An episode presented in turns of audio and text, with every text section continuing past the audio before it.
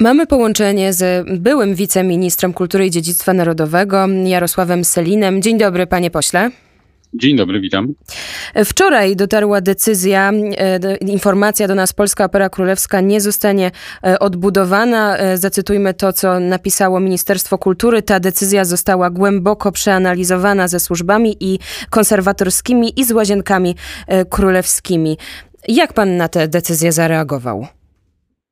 Zareagowałem ze zdumieniem, dlatego że byłem do 13 grudnia zeszłego roku generalnym konserwatorem zabytków i żadnych zastrzeżeń e, konserwatorskich co do lokalizacji budowy Polskiej Opery Królewskiej e, nie było.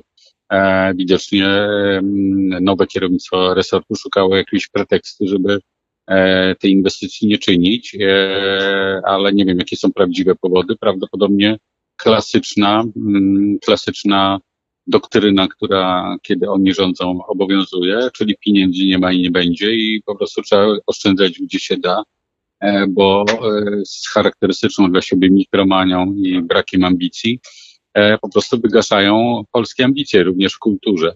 Polska Opera Królewska powstała kilka lat temu z potrzeby, która jest widoczna w Warszawie, żeby prezentować klasyczne opery, często też bardzo dawne, barokowe, klasyczne właśnie opery.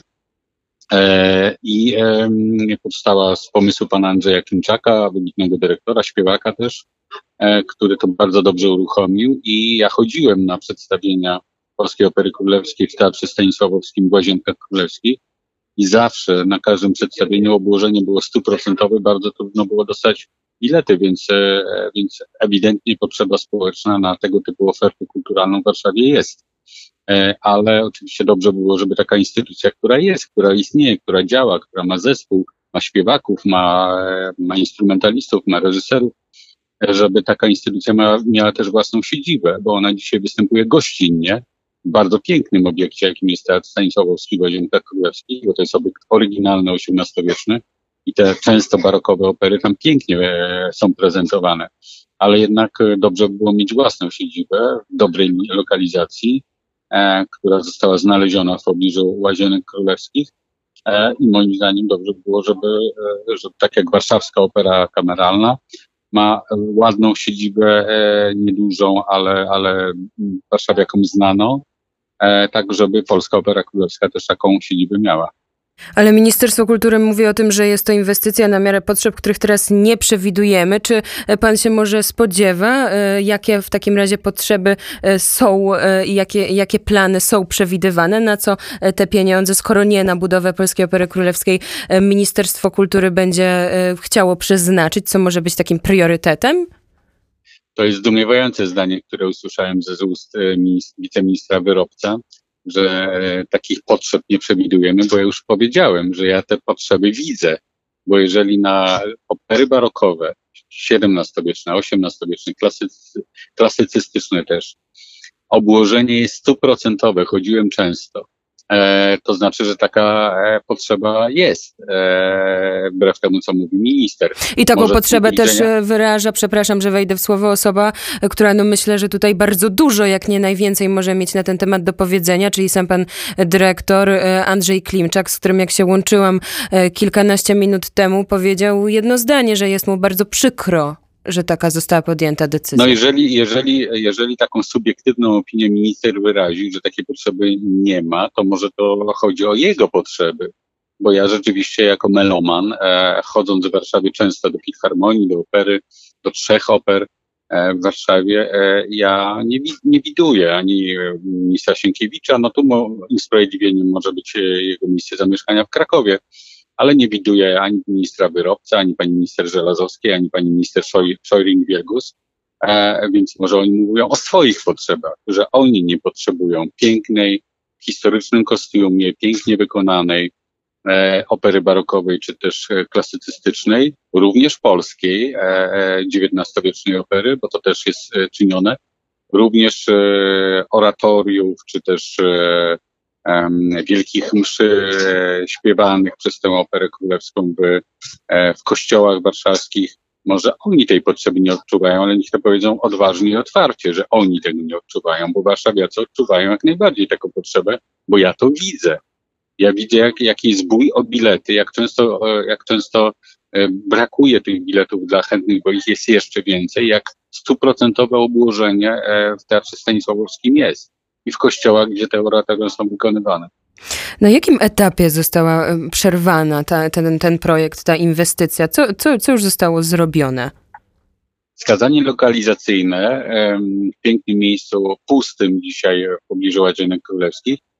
E, I to by było też dla takiej opery najbardziej godne miejsce, właśnie opera królewska przy Łazienkach Królewskich. To, to wszystko ładnie współgrało. E, decyzje też konserwatorskie, że tam nie ma przeszkód, żeby coś takiego e, robić. De decyzja lokalizacyjna.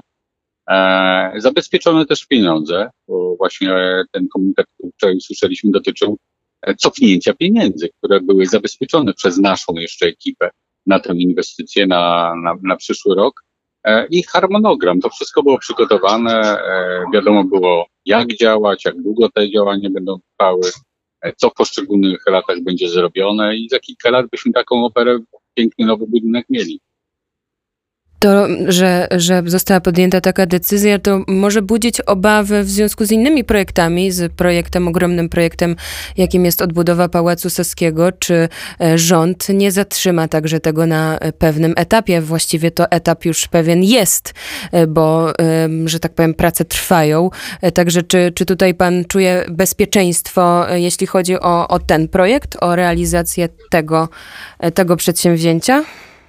Jeśli chodzi o ekipę obecnie rządzącą, to ja w żadnej sprawie nie czuję żadnego bezpieczeństwa. Natomiast e, póki co, e, jeśli pani o konkrety pyta, to jeśli chodzi o Pałac Saski i Pałac Brilla i pięć kamienic e, od strony ulicy Królewskiej, czyli cały ten kompleks zburzony przez Niemców pod koniec 1944 roku i zaplanowany do odbudowy, mm, wydaje się, że jest w planie do odbudowy, bo wczoraj taki wątek się też na tej konferencji pojawił wygląda na to, że poza zmianą ekipy spółki e, Pałac Saski, która celowej, która została powołana do tego, żeby, żeby tę inwestycję zrealizować, poza zmianą personalną ekipy, wyrzuceniem po prostu tych ludzi, którzy to dotąd robili i robili to bardzo dobrze i bardzo profesjonalnie. Ja byłem e, szefem Rady Odbudowy Pałacu Saskiego jeszcze do, do grudnia i wiem o, o czym mówię.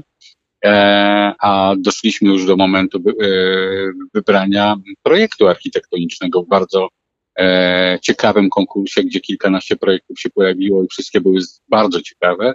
Trzeba było z trudem wybrać jeden z nich, ale, ale taki wybór został dokonany. Więc właściwie wszystko jest przygotowane do rozpoczęcia tej inwestycji. badania archeologiczne przecież mamy za sobą, ciekawe rzeczy odkryto. Będzie też wy, zaplanowano też wyeksponowanie dużej części XVII-XVIII wiecznych piwnic i fundamentów Pałacu Saskiego e, w formie trwałej. Wszystko w tym projekcie architektonicznym jest uwzględnione. E, I e, dobrze było, żeby to zrobić. Plan jest taki, że harmonogram był taki, że do końca tej dekady, do końca lat 20. XXI wieku to będzie zrobione. Na razie nie słyszę, żeby to zostało cofnięte. Słyszałem tylko wypowiedź prezydenta miasta Warszawy z tej partii rządzącej dzisiaj, wiceprzewodniczący. Tak, który mówił, że jest przeciwny.